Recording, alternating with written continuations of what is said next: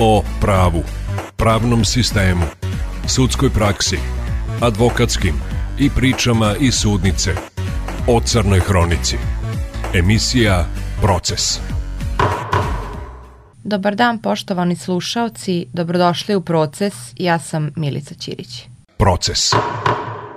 Moj današnji sagovornik je advokat Milan Unković. Dobrodošli u proces i hvala vam što govorite za Radio Novi Sad. Hvala i vama što ste me pozvali da učestvujem u vašoj emisiji. Koliko ste godina u advokaturi? Pa ja se bavim advokaturom od 2009. I ovo mi je 14. godina od kad se bavim ovim poslom. S obzirom da radite krivicu, da li je bilo nekih izazova za vas? Da li ste doživljavali neke pretnje? Da li ste se plašili za svoju bezbednost? Na to pitanje mogu da odgovorim da je bilo izazova, ali u pozitivnom smislu. Za sada, a i nadam se da će tako i ostati, nisam imao neke pretnje od svojih klijenata ili od suprotnih strana koji su učestvovali u postupcima i nadam se da će tako ostati. S obzirom da radite i sa pritvorenicima i sa ovima koji su na izdržavanju kazne, da li ostajete u kontaktu i nakon uh, pravnosnažne presude sa branjenicima? Imam dosta klijenata sa kojima sam ostao u kontaktu i nakon pravosnažno završenih postupaka, ali se trudim da to bude ipak na nekoj distanci, da se držim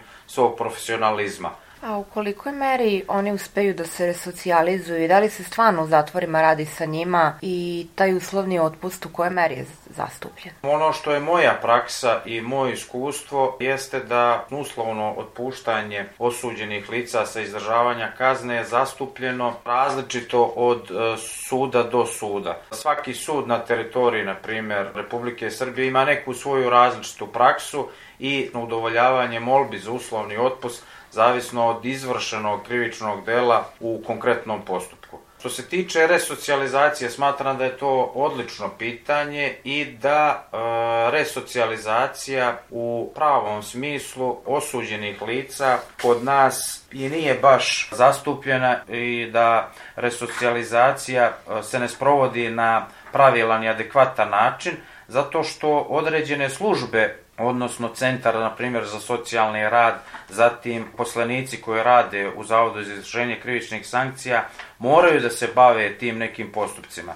Na primjer, imao sam klijenata koji su izdržavali kazne u Švedskoj i to dosta ozbiljne zatvorske kazne, ali njihovi uslovi u zatvorima su tipa hotelskog smeštaja ostvaruju izuzetno veliku, odnosno visoku zaradu, tako da onog momenta kada im se završi proces izdržavanja kazne, oni imaju određena novčana sredstva da započnu neki novi svoj život i da mogu da se uklope u društvo i društvenu zajednicu bez nekih problema, da ne nastave e, izlaskom sa izdržavanja kazne sa vršenje novih krivičnih dela, što je često slučaj kod nas. Da li ste imali prilike da branite žrtve nasilja? Imao sam e, više postupaka e, u kojima sam branio žrtve nasilja, e, postupao sam kao branilac onih izvršilaca dela sa elementima nasilja. Isto tako sam postupao i kao punomoćnik žrtava sa elementima nasilja. Mogu da istaknem postupak koji se vodio pred Višim sudom u Novom Sadu protiv okriljenog Dejana Dabovića zbog krivičnog dela teško ubistvo. Postupao sam kao punomoćnik oštećene Mirjane Jocović, koja je majka tragično nastradale Dušanke Jocović. Taj postupak je bio medijski ispraćen i istakao bih da je Dabović pravosnažno osuđen na doživotnu kaznu zatvora za ovo izvršeno krivično delo delo i da je ta kazna potvrđena od strane apelacionog suda u Novom Sadu.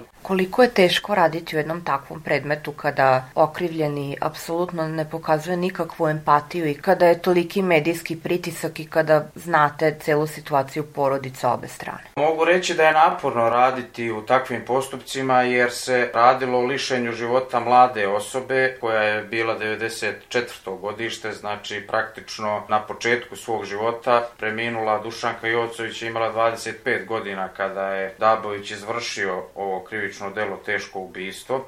To je ostavilo teške posledice po porodicu preminule Dušanke Jocović. Njen otac je također nakon te tragedije preminuo, nije mogao da podnese smrt svoje čerke. Da li uspete da isključite emociju u takvim prilikama, da oguglate na neke stvari? Kao profesionalac ja bih morao da isključim emocije iz ovih nekih postupaka, ali e, često se dešava da je u nekim postupcima nemoguće isključiti emocije, jednostavno svi smo ljudi. Možete li da nam ispričate još neke zanimljive slučajeve koje ste branili, a koje su na vas ostavili onako utisak? Evo istakao bih jedan postupak koji je dalje u toku pred e, Višim sudom u Novom Sadu. Tiče se dva krivična dela i to je izazivanje opšte opasnosti i nedozvoljena proizvodnja, držanje, nošenje, promet oružja, eksplozivnih materija. Samo bih e, istakao da se e, radilo o pucnjavi u Petrovaradinu, pa iz tog razloga je bio medijski propraćen. Isto mogu da istaknem da je postupak pokrenut u martu 2015. godine pred osnovnim sudom. Ovo je već osma godina da mi nemamo još uvek prvostepenu presudu i postupak je i dalje u toku. Koliko često se dešava da tako dugo traju do prve prvostepene presude? Ne dešava se baš često, ali sud mora da pazi na načelo efikasnosti i ekonomičnosti, ali ne na uštrb pravilno i potpuno utvrđenog činjeničnog stanja i donošenja kvalitetne presude. Koje meri to utiče na živote samih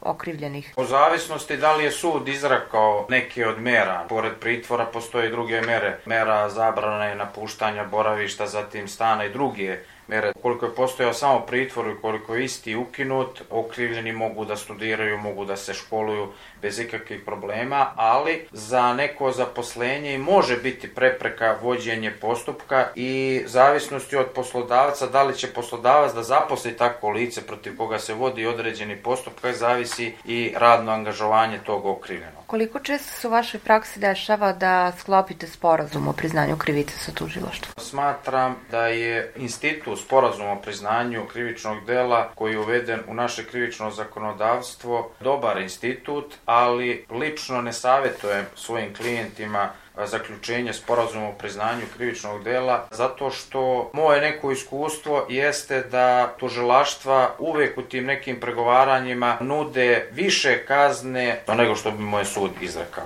Hvala vam puno što ste govorili za Radio Novi Sad. Hvala i vam.